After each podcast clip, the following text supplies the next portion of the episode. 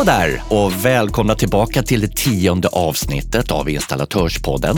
Jag heter Leif Getelius och vid min sida, ja, till vänster faktiskt om ni undrar. Ja, där har ni mig, Helene Stors från bransch och arbetsgivarorganisationen Installatörsföretagen.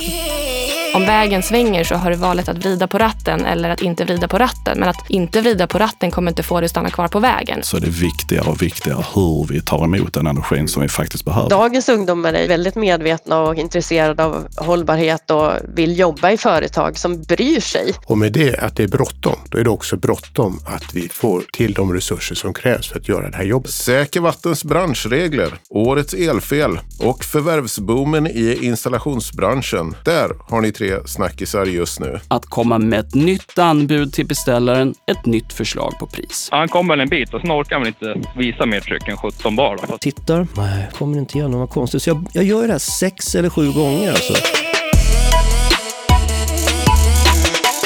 Som du kanske anar nu när du hörde dagens gäster så ska vi fokusera på hållbarhet, gröna installationer och grön teknik i dagens avsnitt. Och hållbarhet är ju verkligen någonting som hela tiden är på allas läppar och näthinnor. Men det här med gröna installationer, det är inte helt självklart för mig vad det innebär faktiskt. Nej, och det förstår jag. För eh, när man pratar om grön teknik, då menar man ofta att privatpersoner kan få subventioner från staten. Mm. Och då handlar det om installation av solcellssystem och laddningspunkt till elfordon eller lagrad egenproducerad elenergi. Okej, okay, så det är det som är grön gröna installationer med ett annat ord då, eller? Eh, ja, jo, eller delvis. Eh, men det är mycket större än det som Skatteverket ger avdrag för. När vi på installatörsföretagen pratar om gröna installationer, då innefattar det alla typer av installationer som kan kopplas till elektrifiering, energieffektivisering och hållbarhet. Ja, men det låter ju rimligt. Men hörni, nu tar vi in våra första gäster. Varmt välkommen till Installatörspodden Jonny Petrén. Tack så mycket. Du har ju väldigt många strängar på din lyra Jonny. Du är ju dels konceptchef för Green Energy på Bravida, men du är också ordförande för installatörsföretagen. Stämmer bra det. Kan inte du börja med att berätta lite vad Green Energy-konceptet handlar om? Absolut. Eh, Green Energy är någonting som vi på Bravida startade eh, för ett år sedan drygt. Vi såg liksom att den här gröna energin och hållbarhet är en jätteviktig del i installations branschen och det vi utför till vardags. Både vad det gäller VS och elinstallationer. Så vi tänkte att vi ser på det här koncernmässigt och över hela koncernen. Startade upp då eh, sol, ladd och lagring i ett koncept. Och så har vi installatörsföretagens VD Ola Månsson på plats i studion igen. Det var ett tag sedan. Välkommen tillbaka! Tack så mycket! Ni bägge sitter ju med i installatörsföretagens styrelse där jag förstår att klimatomställningen har hög prioritet. Kan inte ni berätta hur ni ser på det här? Om vi börjar med dig Ola. Under de åren jag har varit med på installatörsföretagen så har faktiskt eh, klimatfrågan varit i fokus. För det är där vi installatörer det är trots allt vi som levererar det klimatsmarta samhället. Och senast nu på de senaste styrelsemötena så har vi verkligen lagt otroligt fokus på att vår organisation ska stötta alla våra medlemmar på bästa sätt i den klimatomställning som är. Mm. Nej, men jag håller absolut med. Klimatomställningen och, och hållbar energifråga och sådär, det är superviktigt. Och jag tycker det är ett område som inte bara sammansvetsar oss installatörer utan sammansvetsar hela samhället. Där eh, det är oerhört viktigt att det blir gjort.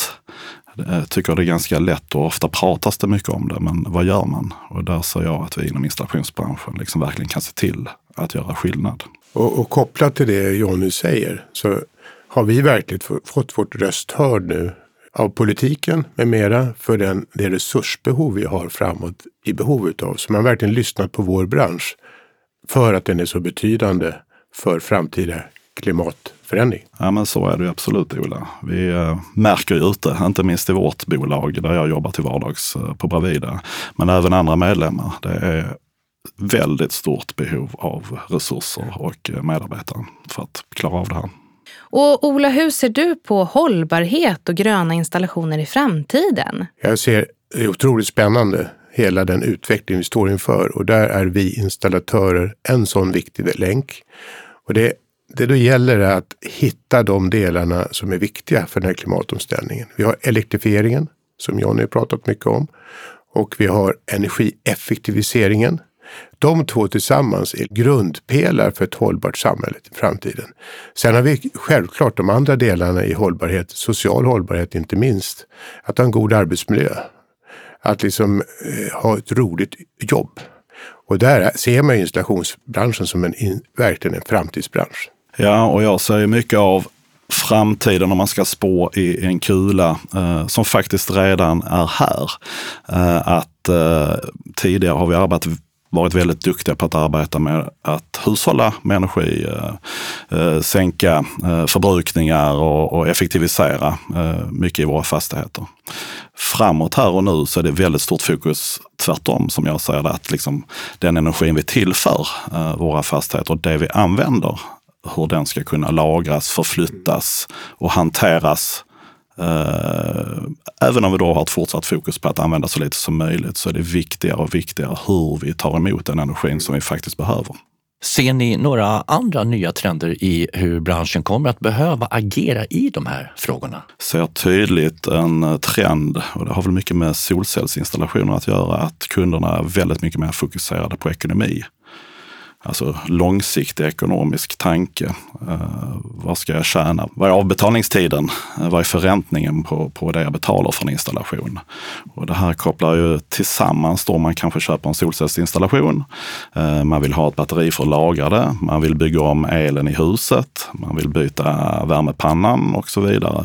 Och vi får mycket mer diskussion om ekonomi än att man bara köper en gång så att säga, utan mer långsiktig dialog med våra kunder. Mm. Det är en skillnad. Och det håller jag med om. Och man ser ju här också på de, den stora delen av våra medlemmar är trots allt företag som är mindre än 20 personer. Och även där så ser man många av våra medlemsföretag idag som på sin hemsida har en säljande hemsida med laddstolpen eller med värmepumpen och jag tror framtiden är att våra medlemmar måste själva kunna kommunicera med det privata hushållet, med företaget, om just det Jonny pratar om. Hur mycket spar jag? Vad är det för avbetalningsperiod på det här? Alltså mjukvaran för att göra en bra installation sedan och kunna liksom få jobbet till det genom ett förtroende mellan kund och leverantör. Och det ser vi tydligt nu hur många av våra medlemsuttag börjar jobba på det sättet, anställa en säljare för att gå på det här viset. Och så är det många som inte har kommit dit än utan ser bara att man ska installera. Så framtiden är säkert att vi står för kunskapen mot kunden. Mm, och det, det är stor skillnad från tidigare. Ja, jag tycker det absolut. Blir en mer spänst i dialogen med kunderna. Det kräver ju, precis som du sa Ola, en, en eh, annan approach och kanske andra typer av agerande från oss på, i installationsbranschen. Då. Vilka nya utmaningar tror ni att vi kommer ställas inför då? Vi har, vi har ju en viktig som vi inte pratat om än och det är digitaliseringen. Och under den här coronapandemin så har ju hela svenska folket utvecklats enormt mycket på att använda digitala hjälpmedel, för mötet framför allt. Sen möter vi ute på arbetsplatsen en digitalisering som går enormt fort idag. Och det gör ju att vi måste följa med det här i all utveckling. De regler som man har i entreprenaderna, AB och ABT, som håller på att revideras, de måste följa digitaliseringen. Våra kollektivavtal måste följa digitaliseringen och våra medarbetare måste följa den och lära sig använda nya hjälpmedel. Och vi har en enormt stor förbrukning i det gamla beståndet som också måste tas om hand. Eh, för där är ett, ett kortsiktigt ägande av kommersiell fastighet, det är inte första man lägger ner, att få en långsiktig energiinvestering. Det är en enorm utmaning framåt för att få ner förbrukningen. Mm. Och så ser jag också en tydlig tydlig, tydlig trend som har börjat, men den kommer vara helt avgörande framåt för oss installationsbranschen, att vi verkligen kan koppla an och, och mäta, styra, läsa eh, det vi faktiskt gör fysiskt. Koppla ihop det här med det digitala så att vi får en helhetsbild över och en lösning. Och hela den delen, det kommer nya yrkesgrupper i det. Ja, exakt. Det kommer nya jobb att utföra och eh, så det är inte bara det att det är en digitalisering man ska jobba med, utan det är, det är trots allt våra medlemmar som gör det jobbet.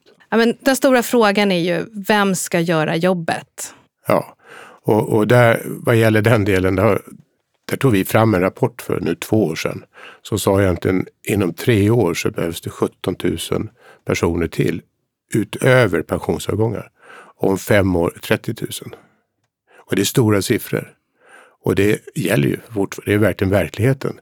Men vad vi behöver framåt, dels skolor som kan utbilda bra elektriker, VVS-montörer och ventilationsmontörer. Men vi behöver också se till att vi har ingenjörer för det här jobbet. För det krävs både och. Och den delen, där ska vi konkurrera med hela svenska samhället om samma ungdomar. Och då är det viktigt att visa hur kul det är att jobba i den här branschen. Men den är ju absolut roligast vår bransch. Jag ser inte något jätteproblem med det egentligen, utan det gäller ju bara att vi visar på och att man får upp som ungdom ögonen för den här branschen för att det är otroligt spännande. Men kompetensförsörjningsfrågan är en gigantisk utmaning parallellt med allt annat ni pysslar med hela dagarna. Ja, det är bråttom. För 2045 ska vi halverat våra koldioxidutsläpp. Och med det att det är bråttom, då är det också bråttom att vi får till de resurser som krävs för att göra det här jobbet. Hörrni, vi ska ta och landa hos ett medelföretag som är medlem i installatörsföretagen, har runt 15 anställda där ledaren, företagsledaren i bolaget kan vara både VD och installatör. Vad kan ni säga till den personen som tänker att det här är bara någonting för storbolagen? Det kan jag faktiskt direkt säga att det här är inte alls. Nu är Jonny ett storbolag, men alla kan göra det jobbet. För branschen är trots allt så att en liten firma kan göra ett rätt stort jobb. Eh, så jag ser inte alls att det är storföretagens eh, fördelar här, utan det är mindre företag med rätt utbildning och rätt approach. De kan göra det här jobbet. Jag håller helt klart med att det har inte med företagsstorlek att göra. Jag har gjort hela resan själv. Drivit ett, eh, kanske inte så litet företag, men det var noll anställda från start 1965.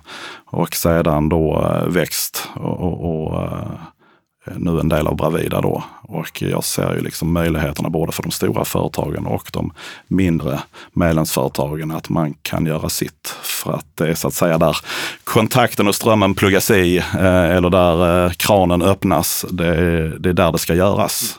Och då spelar det ingen roll om man är liten eller stor, utan vi kan alla hjälpas åt. Men vi eh, skiftar fokus lite grann. Eh, Magdalena Andersson, vår nya statsminister. Nu ska hon regera med oppositionens budget där energieffektiviseringsbidraget har slopats. Vad innebär det för, för installatörsföretagens medlemmar skulle ni säga? Först och främst ska jag säga, det, under corona så bedrev vi för våra medlemmar ett rätt starkt lobbyarbete. Vi trodde att marknaden skulle gå mycket ner. Så att som energieffektiviseringsbidraget för att ha till flerfamiljshus, framförallt miljonprogrammet, det är en sån fråga som vi har försökt lobba fram. Och nu står ju alla beredda och startklara att liksom ansöka om de här medlen. Och liksom kanske skapat förutsättningar för att göra de jobben. Vi kan inte ha den här ryckigheten bara för att man byter budgeterna. Det går inte att ha den ryckigheten för vår bransch, utan man måste kunna jobba med långsiktighet. Vi har ett bestånd på 800 000 lägenheter, var 200 till 300 000 i akut behov av renovering. Och nu kommer det här stoppa upp igen. Ja, jag håller helt klart med just den här ryckigheten. Eh, det är lite som solcellsstödet som fanns innan för installation av solceller som har trappats ner och ändrats. Nu är det ju ett ROT, en grön teknik, ett ROT som är, funkar betydligt bättre där det är så att säga både kunderna och vi som installatörer vet vad som gäller. Ehm, det här bortfallet, vi har många kunder som har velat titta över sina energi. Eller titta över energiåtgärder i sina fastigheter. Eh, men helt plötsligt så vet vi inte riktigt var vi ska ställa oss och, och, och tycka. Så att jag tycker det är förödande faktiskt. Och faran är ju att den gröna roten också helt plötsligt stoppas upp. Eh, när man liksom skapar en hel produktion för att liksom få ett klimatsmart samhälle. Och en annan del som jag känner stoppas upp av det här det är att vi försöker driva att den gröna roten även ska vara till energieffektivisering. Mm. Och i och med att de jobbar på en annan budget så tror jag det kommer bli väldigt svårt att påverka de här frågorna före valet. Installationsbranschen behöver alltså långsiktighet i de här frågorna. Verkligen. Det vi kan höra idag är att eh, den gröna energiomställningen är i alla fall win-win för, för alla parter. Det är det för företaget, för kunden, för branschen, för samhället och i slutändan även för Sverige. Det gäller bara att komma dit. Har ni några sista klokskaper som ni vill skicka med här? Nej, men det stämmer. Det viktiga är ju att komma dit. Jag tycker redan vi har börjat tassa eller tagit småkliv och, och vi vill ta de här stora kliven och det kommer för att det är en omöjlighet att vi inte gör det, eh, tänker jag. Så att det är bara att gå all in och ha mindset på att vi, vi, vi ska hjälpa till att göra det här tillsammans. Och vi som organisation för våra medlemsföretag, det är ju rätt bra att berätta vad vi egentligen gör. Varje dag jobbar vi för hur våra medlemsföretag ska ha rätt resurser och förutsättningar för att göra de här jobben. Eh, och där ligger vi några år framåt vad vi känner att det behövs då. Stort tack för att ni kom hit och delade med er av era kloka tankar idag. Tack. Tack så mycket. Nu fortsätter vi på temat hållbarhet, men vi släpper fokus från själva installationerna och dyker ner lite djupare i ämnet. Vi börjar med att hälsa Therese Kuldkepp välkommen till podden som arbetar som hållbarhetsexpert på installatörsföretagen. Tack. Och per länk har vi Helene Aristondo Magnusson som arbetar med både energifrågor och hållbarhet på installatörsföretagen. Hej på dig också! Hej! Therese, nu vill jag förstå det här. Kan inte du börja med att reda ut skillnaderna mellan social, ekologisk och ekonomisk hållbarhet? Absolut. Först vill jag bara då börja med att säga att hållbarhet handlar ju på något sätt överlag bara för att kunna prata om de tre aspekterna sen. Då. Så hållbarhet överlag handlar ju om att vi ska inte påverka möjligheten för andra att kunna tillgodose sina behov. Så det handlar ju på något sätt om en långsiktighet där man inte tär på någonting, där man inte degraderar, där det inte försvinner, förstörs eller på något sätt eh, missunnas eh, andra tillgång till vad det nu är för någonting. Och eh, för att vi ska kunna nå det så behöver vi ju eh, adressera det på flera olika sätt. För att om man bara skulle förenkla ordet så skulle man kunna säga att det handlar om att göra det långsiktigt bra. Men det kan ju vara precis vad som helst. Så eh, för att liksom ta ner det lite grann så är det ju okay, den första indelningen, då, de här tre med social, ekologisk, ekonomisk. Och då, då handlar det helt enkelt om att sortera ut de delar och se hur får vi det här bra på lång sikt. Och ekonomiskt bra, det är ju kanske lite mer nära till hands. Det är vi vana att hantera kanske privatekonomi, företagsekonomi. Vi vill se till att saker räcker. Vi, vi behöver balansera hur mycket spenderar vi nu och hur mycket sparar vi så att vi kan fortsätta göra det vi vill om en viss antal år framåt. Ehm, på samma sätt så kan man även tänka kring då socialt och vad behöver vi som individer, som grupper för att vi ska fungera, må bra, kunna göra det vi vill göra socialt. Både nu men också framåt. Och sen eh, även ekologiskt. Då, jag menar, vi, vi är ju levande varelser som är otroligt beroende av våran planet och de ekosystem som gör att vi kan andas, dricka, äta, helt enkelt leva. Så vi har ju de här beroendesambanden mellan de tre olika aspekterna så det går ju inte att vara hållbar utan att alla tre är hållbara. Utan alla tre behöver ju hjälpa varandra på något sätt och till någon grad. Och sen när man då som, som företagare till exempel vill börja fundera på hur, hur ska vi väva in det här för oss? Så ett sätt att eh, försöka knyta ihop de här hållbarhetsaspekterna med sin vardagliga verksamhet och affär. Det kan ju till exempel vara genom att eh, börja fundera ur en cirkulär ekonomisk eh, vinkel. Cirkulär ekonomi, det förenklat så kan man säga att det handlar om att eh, vara en del av ett kretslopp att vi genom våra verksamheter och det vi gör inte genererar något avfall utan att vi bidrar till att tekniska och biologiska delar eh, cirkulerar i kretslopp. Och det kan man göra på olika sätt. Och det här med cirkulära installationer då, Helene, hur, eh, vad betyder det egentligen? Jag tänker i första hand på att vi behöver liksom återbruka våra installationer i större utsträckning. Och det kan ju till exempel vara när man är med i ett renoveringsprojekt så kan man se över konditionen på de eh, installationer som man har och eh, innan man slänger det i rivningscontainer se liksom det här kanske vi kan använda någon annanstans.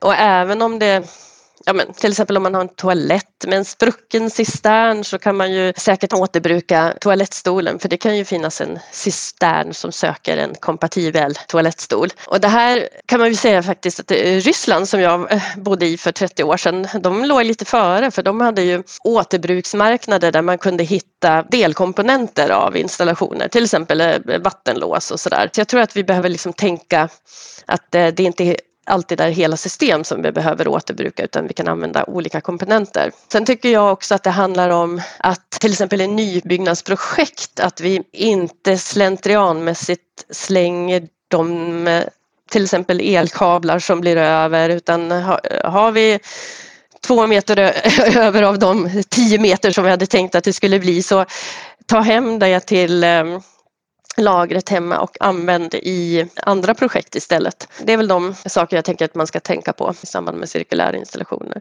Ordet färdplan, kan eh, någon av er reda ut vad det betyder egentligen? Installatörsföretagen har ju skrivit under färdplan för eh, fossilfri bygg och anläggningssektor tillsammans med det är väl 140 olika aktörer tror jag.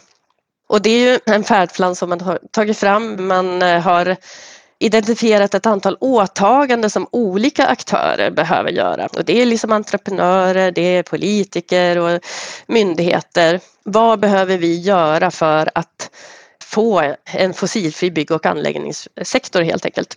Och tanken är ju att vi till år 2045 så ska vi vara helt fossilfria och klimatneutrala tack vare att vi lever upp till de åtaganden som finns nämnda i den här planen. Många arbetar ju med hållbarhet, vi har varit inne på det tidigare, kanske i mindre skala eller större skala.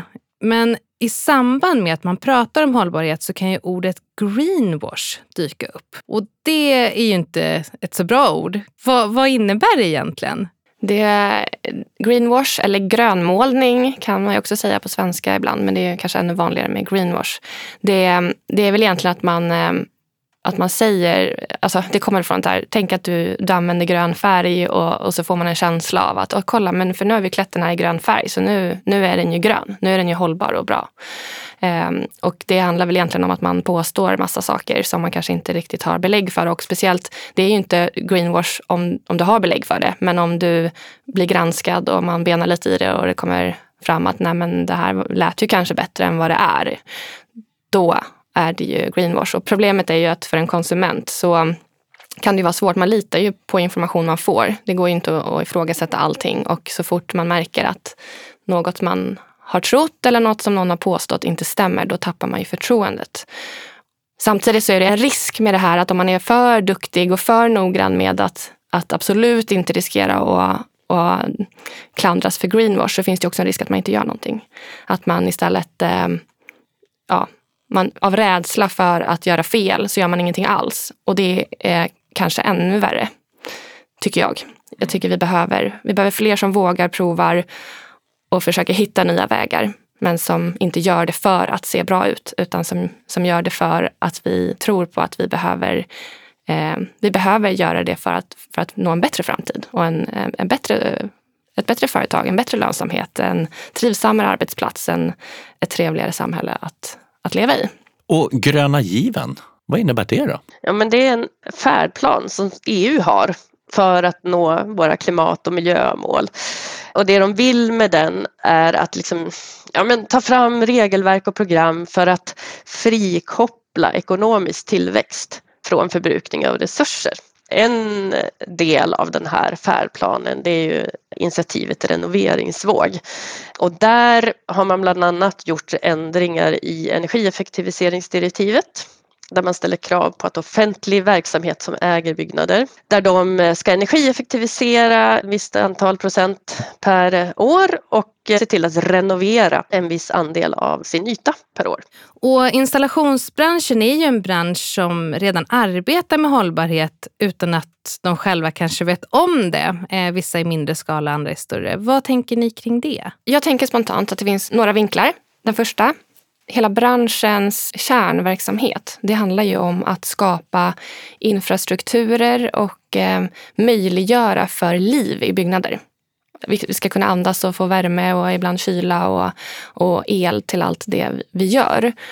Sen är det ju just de här systemen är ju ofta många gånger de som behöver samverka på smarta sätt för att det ska, vi ska få så stor nytta som möjligt till så liten liten eh, insats som möjligt. Och det gör ju installatörerna på olika sätt genom, genom de system som de installerar, genom när man föreslår bra produkter eller bra lösningar för någon som kanske bara egentligen tänkte rusta upp eller göra någon mindre grej. Och det är väl där det kanske sker i olika skala. Ibland kanske man inte tänker på att det är en del av något större och därför så berättar man inte om det eller gör inte det. Men det kanske fortfarande är en viktig bidragande del för att den här totalnyttan ska kunna nås. I andra fall så är det, det är ju fler som gör det också, men det skulle kunna vara många fler som, som är lite stolta och förklarar på vilket sätt deras bidrag bidrar till att vi kommer längre. För det kanske inte är de ensamma. Det kanske är fastighetsägare och andra leverantörer, byggare och annat som, som gemensamt och, och konsulter och, så vidare som, som tillsammans har skapat någonting. Men man har ju bidragit. Och att kunna synliggöra den kopplingen och se sin roll och framhäva den. Sen kan man ju ytterligare också kanske fundera på hur erbjuder man tjänster? Erbjuder man installation av en vara eller skapar man ett energieffektivt system? Hjälper man till med en energieffektiv lösning? Då är ju energi ju en del, en bidragande till kanske ekologisk hållbarhet eller, eller social om det hjälper någon att spara pengar och kunna lägga det, eh, och ekonomisk för den delen. Då. Så det är ju några bitar att, att se på det man gör med kanske lite andra ord. Sen så finns det saker som behöver göras mer. Som Helene har berört lite grann. För själva materialanvändningen i branschen finns det ganska mycket att jobba på. Det finns, eh, det finns flera olika anledningar till det, men det är mycket som går åt både att köra material åt olika håll eller transportera material och att just eh, byta ut gammalt mot nytt. Och i vissa fall är det absolut relevant. I andra fall kanske det inte är det. Och att skapa kunskap och att vi lär oss att förstå när vi kan göra det ena och när vi kan göra det andra och vilket som totalt sett blir bäst. Där, där har vi mycket att hjälpas åt med tillsammans för att höja den kunskapen. De företag som inte ställer om utan fortsätter som idag, ser ni några risker eller konsekvenser som kan uppstå ja, som ett resultat av att man inte hänger med? Vi har ju taxonomin, alltså ett klassificeringssystem för hållbara investeringar som trycker på lite grann och det kommer ju till exempel påverka vår bransch att om du inte kan visa upp att du arbetar hållbart och de eh, installationer som du gör är tillräckligt hållbara så kan det ju få konsekvensen att du inte får investerare som är intresserade av ditt företag. Och det kan ju på sikt då leda till att du är tvungen att lägga ner i värsta fall. Man kan använda alla de här initiativen som en trendspaning eller en, en liten spåkula. Och det finns väldigt många initiativ på EU-nivå men på, i andra världsdelar liksom, globalt också. Det är stora investeringsbolag som går in och har direktiv över att de får bara placera sina pengar i, i det som anses vara hållbart från kanske i någon viss upptrappning och så vidare. Men, men ändå så. Och det finns, vi har eh, klimatmöten på FN-nivå och det är en väldigt tydlig riktning. Och då kan man ju fundera på om att inte göra någonting, det är ju att göra någonting. Det är ju att välja att inte följa med. Om vägen svänger så har du, har du valet att vrida på ratten eller att inte vrida på ratten. Men att inte vrida på ratten kommer inte få dig att stanna kvar på vägen utan då kör du i diket. Sen var, när eller hur du kör i diket, det är ju inte så tydligt. Det är som med alla delar i en, att spekulera i, i marknader och framtider. Det är, det, ingen sitter på svaret förrän, förrän det är dåtid. Det finns så mycket möjligheter, bara man förstår att, att inte göra någonting är ett aktivt val. Men vad är era bästa tips till den som vill arbeta mer hållbart men inte riktigt vet hur de ska börja? Jag tänker framförallt liksom att titta både på vad du erbjuder till din kund men också liksom hur ser dina arbetsprocesser ut? Är de hållbara och hur kan du ändra beteendet på företaget. Alltså verkligen tänk inte att du ska kunna allt och tro inte att någon annan är så himla duktig heller på att kunna allt. Utan var, var riktigt stolt över att du har kommit till läget att du har bestämt dig för att jag vill, jag vill vrida på ratten. Jag vill göra någonting. Jag vill hitta min grej i det här. Gör ett steg i taget och sen när det, när det känns lätt, ta något nytt då. Det kommer garanterat dyka upp saker där det är fel. Alltså, det, det händer oss alla. Det är ingen som vet hur vi ska bli klimatneutrala till 2045. Men vi vet att vi måste försöka. Vi måste göra någonting för att komma dit. Där hör ni, kära lyssnare. Våga tänka till, våga göra.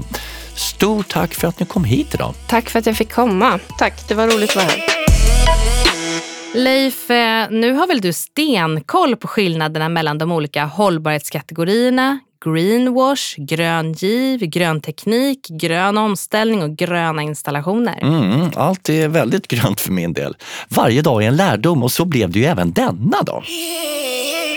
Då ska vi för sista gången 2021 ta och slänga oss över tre snabba från tidningarna Elinstallatören och VVS Forum. Chefredaktör Fredrik Karlsson, ordet är ditt. Nummer ett.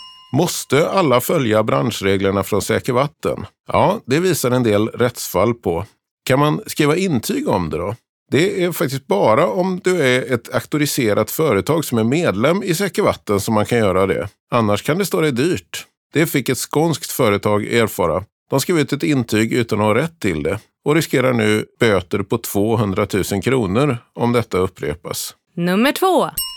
Det går inte en vecka utan att vi nås av rapporter om bolag som köps upp. El, VS, ventilation, säkerhet, automation, isolering. Alla nischer är under förändring. Storbolagen har fått sällskap av allt fler riskkapitalister och koncerner med tillväxtplaner. Denna omvandling är något som det snackas om i branschen. Och allra mest snackar jag om det här. Jag har snackat om det tidigare här i podden och till nästa nummer av Elinstallatören och VVS-forum har jag kartlagt 24 koncerner som växer.